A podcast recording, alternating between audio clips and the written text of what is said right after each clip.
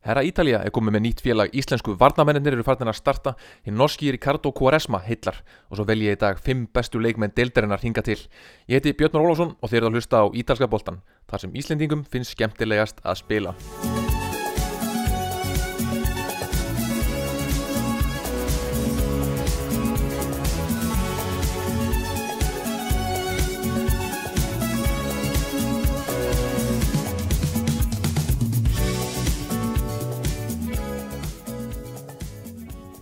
Benvenuto og verið velkomin í glæni að þátt af ítalska bóltanum þar sem Íslendingum finnst skemmtilegast að spila.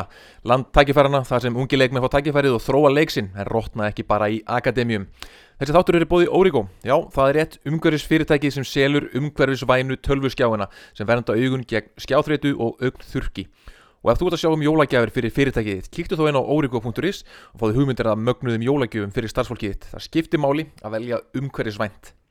En þessum þætti í dag ætla ég að renna með ykkur yfir deildina síðustu umferðina fyrir landsleikja hlið sem stendur nú yfir.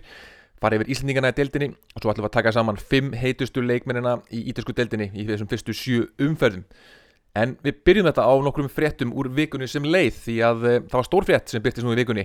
Emil Hallfriðsson, frumkvöðlin Emil Hallfriðsson sem lengi vel helt íslenska fánanum á lofti í ítalsku deildinni eitsinsliðs Hann er nefnilega gengið til liðs við félagið Virtus Verona sem er aðunumannalið í Veronaborg.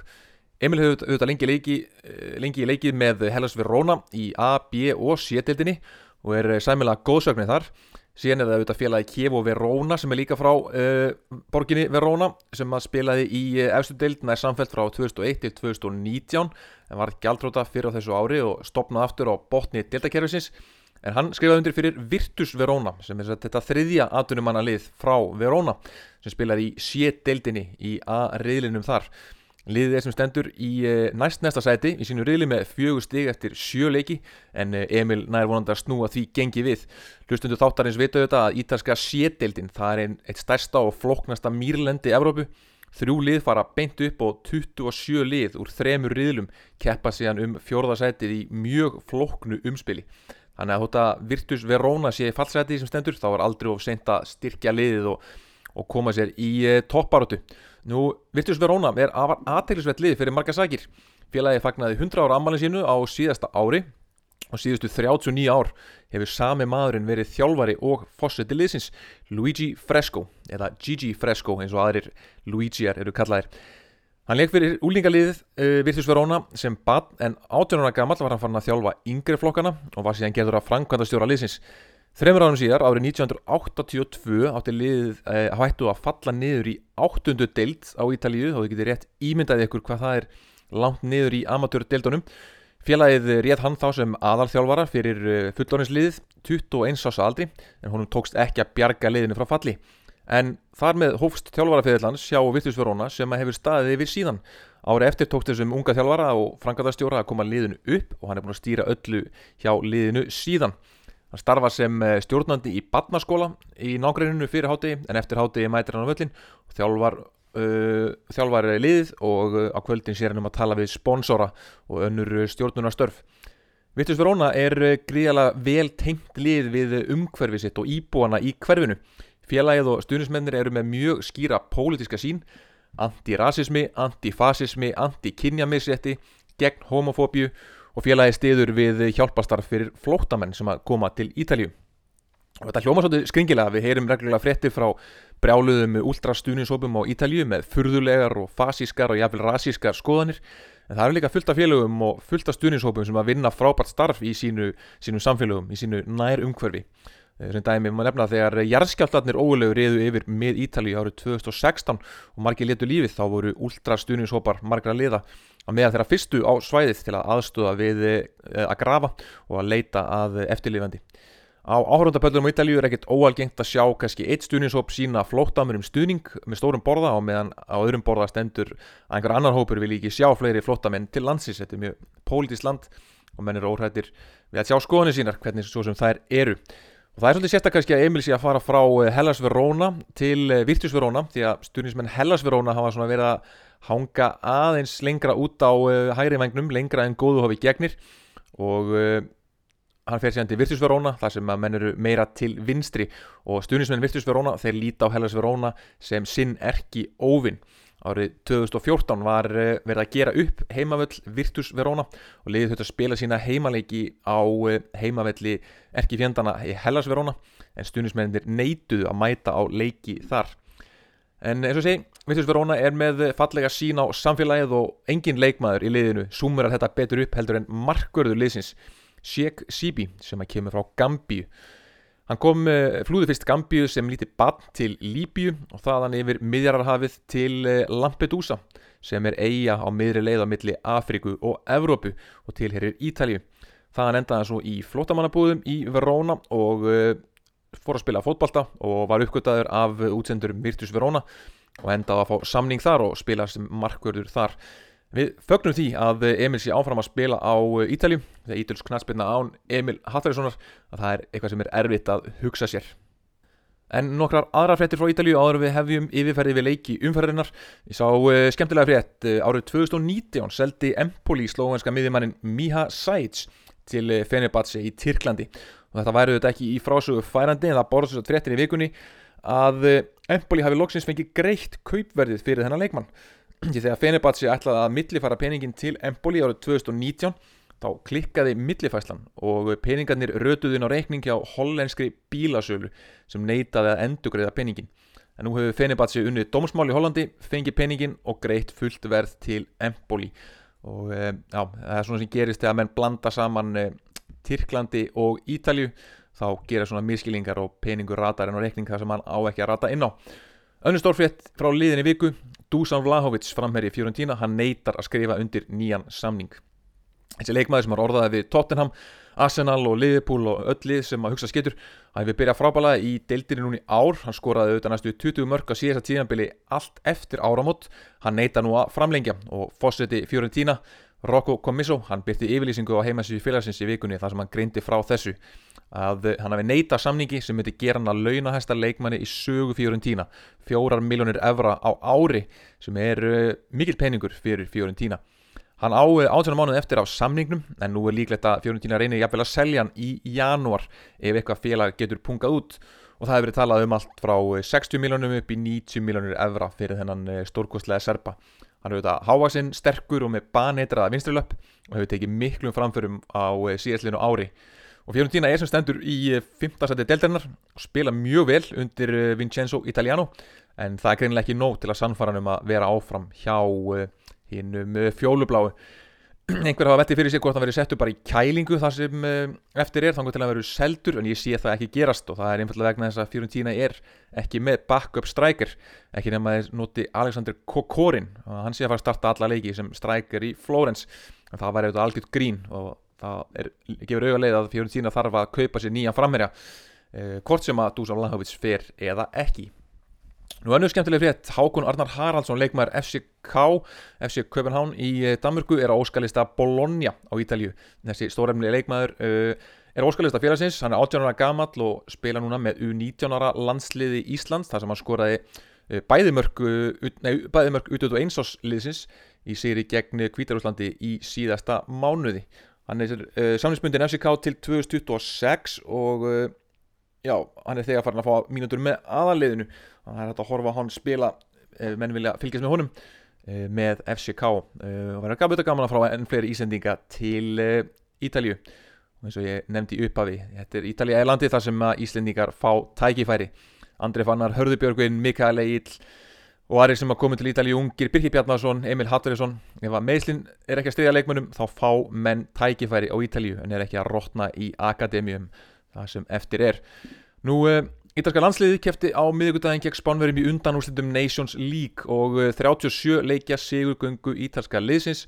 Henni laug þar því að liði tapaði 1-2 uh, á heimavelli á San Siro eftir að Leonardo Bonucci fekk að líta rauðaspjaldi í fyrraháleik og kannski sveikandi að fá ekki að keppum uh, titilinn í Nations League en uh, þetta er bara fínt tap segi ég, það er einhver liði holdt að vera á svona lungu sigurönni og það er fínt að fá skell inn á milli og allir að fá þann skell núna svo liði geti bætt það sem vantar fyrir HM á næsta ári sem eru þetta stóra projektið og á að vera stóra projektið þetta Nations League mót er uh, já, þetta er gerfi mót um það alveg á hreinu Við skulum byrja yfirferðina yfir eh, síðustu umferði í serju A. Því á fyrstu deginum þá mætti Íslendingaliði Venecia Cagliari á útivelli. En eh, Íslendingaliði Venecia var án Íslendingana þessu sinni, Arnór Sigursson var meittur og var því ekki með. En uh, hann er núna byrjaðar að æfa með liðin og getur verið klári í fyrsta leik eftir landsleika hlið Bjarkistinn var heldur ekki á bekknum í þessum leik. En uh, lítum er að leika að segja Cagliari kosti yfir í fyrraháleik það er komin einhver segla á trú í hennan Venecia hóp og Venecia jafnaði í síðara hálfleik verðskuldað og leikurinn endaði 1-1 og það er allt annað að sjá þetta Venecia-lið núna í síðustu tveimu leikjum og, og í fyrstu leikjum tímabilsis miklu meiri struktúr. Það var auðvitað mikil leikmannavelta í sumar og erfitt að púsla því saman. En mér finnst það að vera meira og meira samfærandi og eru farin að líti út eins og alvöru lið en ekki bara eins og slagir nýliðar í efsudelt Eitt besti leikmaður liðsins er auðvitað hinn norski Quaresma Dennis Jónsson, normaður sem er uppalinn í úlingastarfi Ajax og spilar á vinstri kantinum með sokkana neyri og sítt ljósthár og reynir eh, utanfótasnutur þótt að innanfótasending sé í bóði og í það síðasta leika átt hann assist með hælisbytnu skoraði glæsimark sem var til miður damta vegna ránstuð þannig að þetta er leikmaður sem þetta fylgjast með eða eigið leið hjá í eh, Venecia Nú á lögadeginum mættur svo lánlausa liðið Salernitana og Genoa og viti menn, fyrsti sigur Salernitana í deildinni leitt eh, dagsinsljós. Í síðustu umferð mætti, mættu stuðnismenn Salernitana á völlin fyrir leik og hendu salti á völlin til þess að kalla á heiladísirnar og þeirra var greinlega salta völlin mjög vel því að liðið vann góðan sigur á eh, Davide Hittmann Ballardini og lærisveinum hans í Genoa 1-0 sigur þar og stuðnismenn Salernitana voru í himnaríki þennan dag, það sá maður á myndböndum. Nú síðarum daginn var síðan komið að Torino slagnum. Derbyslagurinn Il Derby del Mole nefndur í höfuð á eh, byggingu sem heitir Il Mole í miðborg Torino. Mjög leiðinleg og unspektakular bygging og mjög leiðilegt að kenna þennan slag við þessa byggingu. Það er nú eins og þannig. Eh, leikunni fór nákvæmlega eins og þessi leikir fara alltaf. Juventus vann. Það er ótrúlegt hvað þetta Torino næra að spila oft vel en aldrei tekstum að vinna nákvæmlega slægina í eiginlega öllum nákvæmlega slögum á Ítalju þá gefur það oft litlu liðunum aukinn kraft að mæta stóra bróður og einhvern veginn uh, úslitin eru þannig að, að lið skiptast á sigrum en uh, ekki Tórino, þar tapar Tórino alltaf og menn eru nánast bara búin að setja sig við það, virðist vera. Það var ekki einu svona það mikið skap í mönnum hann í þessum leik. Tórino var reyndan ánu Andrea Bellotti og fleiri sóknamanna meðan Juventus var ánu Paulo Dybala en uh, markaskorarinn og bjargvætturinn í þessu leik var Manuel Locatelli miðjumæður Juventus sem kom í suma frá Sassuolo. Hann var svolítið riðgæður í fyrstu tveimu leikjunum en síðan hefur hann heldur betur stíð upp og er dottin í gýrin hann var auðvitað maður leiksins í meistrarleldinni gegn Chelsea og er núna farin að klára mikilvæga leiki fyrir, fyrir mjög varnarsinnað Juventus. Uh, og Juventus þarf að fá mörk var á hann því að þeir þurfa öllum mörkum að halda sig þeir geta fengið. Þeir ætla greinilega að spila mikinn varnarbólta í vetur eins og Allegri gerir mjög vel Juventus er búið að skelli lás og eru nú komni með fjóra sigra í röð í öllum keppnum. Og þá komum við að komið að kvöldleik lögadagsins Sassuolo gegn Inter. Sassuolo er í smá krísu, spila vel en fá engin stig og meðan Inter eru auðvitað í pullandi topparátu og leikurinn endaði nákvæmlega þannig, það var Inter sem vann þótt að Sassuolo hafi spilað betur. Domenico Berardi kom Sassuolo yfir í fyrirháleik verðskuldað, það var síðan þjálfari Inter eh, Simone Inzaghi sem að snýri leiknum við með frábærum skipningum Ég hef oft talað um þetta áður hvað Simone Inzaghi er skipninga áður og þegar hann er með menn á bekknum eins og Arturo Vidal og Edin Dzeko þá getur hann breytt leiknum. Hann gerir fjóra skiptingar á 57. mínútu takk hérlega fyrir og Edin Dzeko jafnaði áður en Lautaro Martínez skoraði segumarki úr viti korteri fyrir leikslokk. Fjóra skiptingar einu og uh, sneri leiknum við fyrir Inter. Uh, mikið segla í þessu Interliði sem er ennþá í harðri topparótu. Nú, sunnudagurinn bauði upp á mikla veislu fyrir augað. Hátegisleikurinn var sangkallað Oljuki Nít Hátegis hlaðborð. 3-3 fór leikur samt Dóri á Udinese sem fór fram í Genoa. Antonio Candreva skoraði skrýmer 20 myndum fyrir leikslokk sem að allir held og erði sigumarkið en uh, Argentinumæðurinn uh, síjungi Fernando Forestieri kom inn á sem varamæður fyrir Udinese og stöðvaði fögnuð að stunismanna skömmu fyrir leikslokk. Mikil harka í þessu lið, þetta eru svona tvö fysikal lið sem að spila kannski svolítið ennskan fókbalta sem mættist þarna. Og það veldur smá vombriðum kannski hvað eh, stóra stjarnasamdóri á síðasta tímanbili og ungstyrni eh, Dana á EM í sumar. Mikkel Damskott hefur enn ekkert skorað á þessu ári. Hann fór auðvitað vel á staði fyrra en eh, er upplifað mikla marka þurð og leiðilegt að sjá þessa marka þurð hjá, hjá þessum frænd okkar þótt að framistöðunar séu þetta góðar Nú Hellas Verona vann 4-0 sannfærandi sigur á Spezia og starf Tiago Motta hangir á bláþræði sangat ítölskum fjölmjölum. Liðið spila vel og er að mínum að þetta við leikmannahópa spila langt, langt yfir getu en þeir, ekki, þeir hafa ekki verið að segja nægilega mörg stig. Hann heldur þó starfinu eitthvað áfram en hann þarf að fara að segja wins á komandi vikum til þess að okkar maður Mikael Egil Elletsson spil í aðtildinni á næsta ári því að Spezia kifti hann á dögunum eins og ég áður talað um. Bologna rúlaði yfir Lazio, eitthvað sem engan hafi grunað fyrir leik. Lazio menn voru greinlega enn með eh, Darby þinguna eftir sigurinn á erkifjöndunum í Róma í vikunum undan og þeir bara mætti ekki til leiks. Klauðagangur í vördninni var þeim að falli og eh, Musa Barrow, þessi ungi spræki sóknamaður Bologna á vinstrikantinum, hann skoraði eitt og lagði bannað áður en ungi skotin Aron Hickey innsiklaði sigurinn í setniháleik og Lazio sá aldrei til sólar í þessum leik. Nú síðan um daginn var síðan hinn frábæra skemmtun Fiorentina Napoli þar sem Napoli vann 2-1 og eru enn ósigraðri deildinni með fullt úr stega eftir sjö leiki. Þetta var eiginlega copy-paste á leik eh, Fiorentina og Inter. Fiorentina byrja vel, miklu betur, pressa og pressa, skora mark en þeir ná ekki að klára fleiri færi og Napoli vinnu sig inn í leikin hægt og rólega og vinnu síðan að lokum 2-1. Þetta Napoli liði hans Ballettis, þetta er að mjalla eins og vel smurð vél. Eh, Gríkin Kostas Manolas er dóttin út úr miðvarastöðinni við hliði eh, eh, Koulibalis og í staðin spilar albanin Amir Rahmani sem spilaði eins og kongur í svo leik og skoraði segumarkið eftir hotspinnu þeirra fá mörgur öllum áttum bæði frá báðum miðverunum bakvörðum og, og öllum stöðum Napoli sem er svona gæðastimpill á lið. Sen eru þetta með Viktor Osimen upp á topp sem heldur áfram að spila vel Fiorentina liði spilar áfram fína fókbalta með háu tempói, klassískur Vincenzo Italiano leikstíl en þá vantar breytt og þá vantar enn meiri gæði þannig að við hliðin á Vlahovic upp á topp. Uh, síðan finnst mér uh, miðjumæðurinn Erik Pulgar á miðjunni spila allt og mikið með að við hvað hann er góður. Hann er ekkert sérstaklega góður þótt hann sé spólgraður Suður-Amerikumæður með hálstatú sem fær tvö rauðspjöld á tímabili og velur alltaf erfiðu sendinguna sem þá ættir hann að vera leikmaður sem að ég fíla. En uh, þá er ég ekki mikill aðdándi og ég sé ekki alveg hvað uh, þjálfari Fiorentina sér í þessum leikmanni. En svo fyrir við til uh, Mourinho lands Rómaborg þar sem Róma tók á móti Empoli.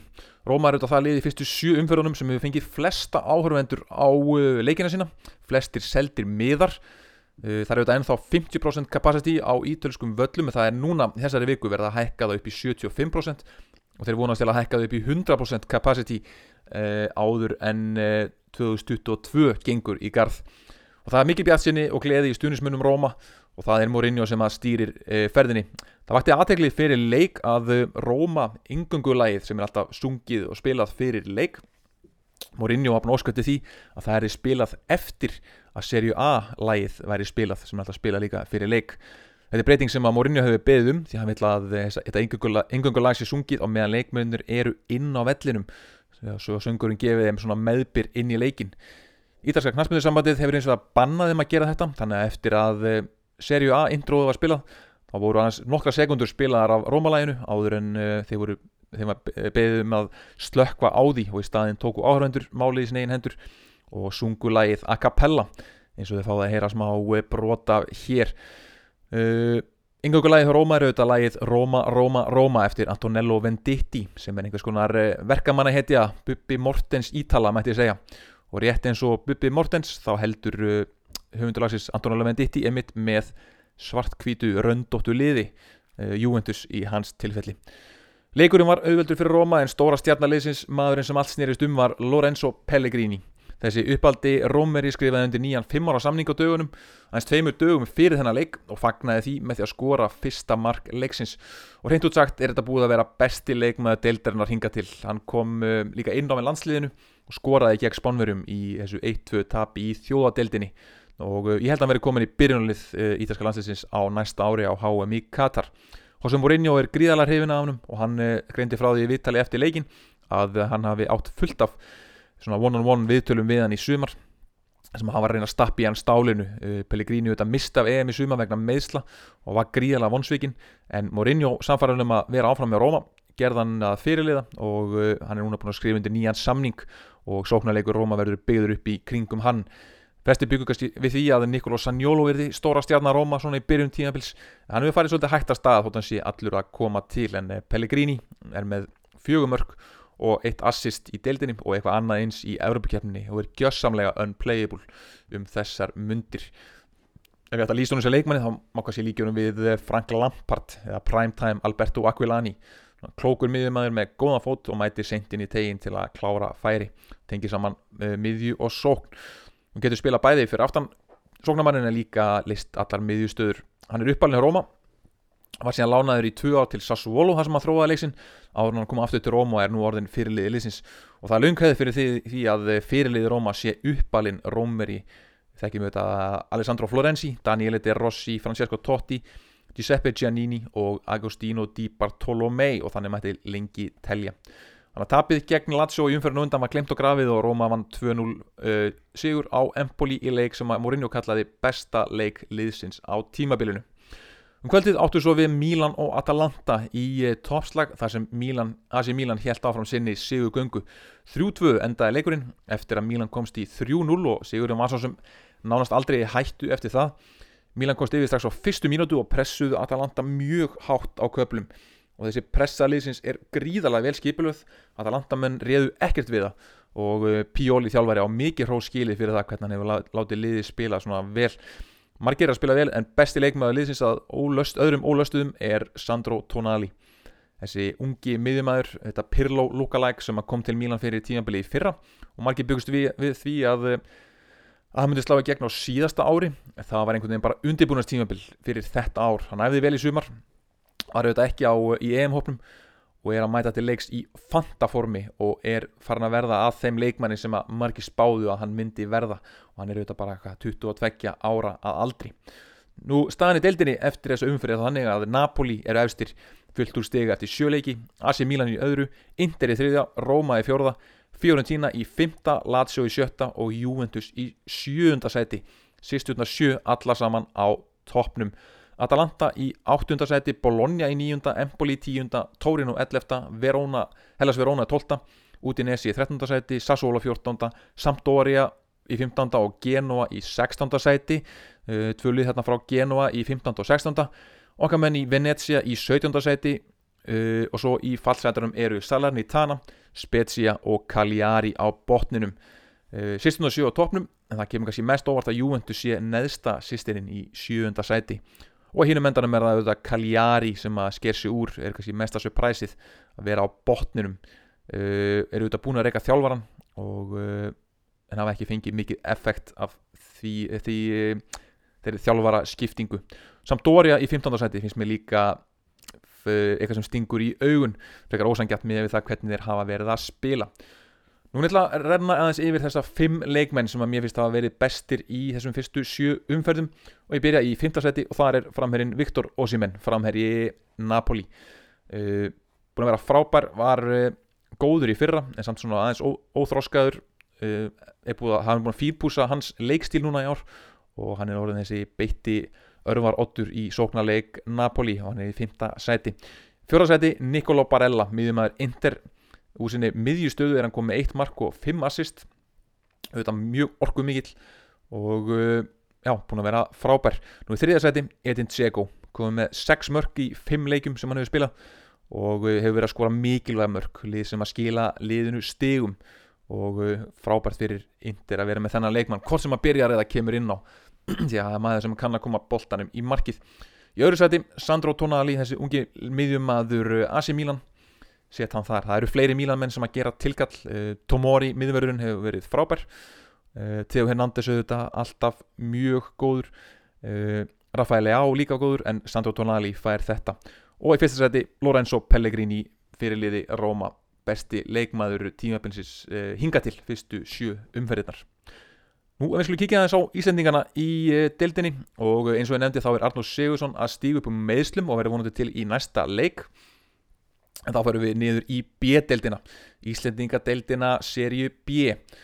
Töffaradeldin eins og ég kalla hana. Þar heldur seguganga Písa áfram hjá Hirti Hermanns og félögum þeir eru á toppnum með 19 steg eftir 7 leiki 6 sigrar og 1 í jafntefni hann var á bekknum í síðasta leik en spilaði 90 myndur í leiknum þar á undan í hægri bakverðinum stóra stjarnar Písa uh, heldur áfram að vera ungstyrnið Lorenzo Luca 21 árs frammeri sem hefur komið með 6 mörg og 1 assist kom frá Palermo fyrir tímabilið uh, hefur, al, hefur, aldrei, spilað í svona sterkari, sterkari deild áður og hann er núna orðaður við lið í efstu deild og mun öruglega spila í efstu deild á næsta ári og líka komin í uh, U21 ás landslið Ítalju Lorenzo Luca, þetta er náttúrulega sem við ættum að leggja á minnið Nú, Lecce, strákvæðan okkar, Þórir Jóhann og Brynjar Ingi, þeir eru í fjórðasæti með Lecce.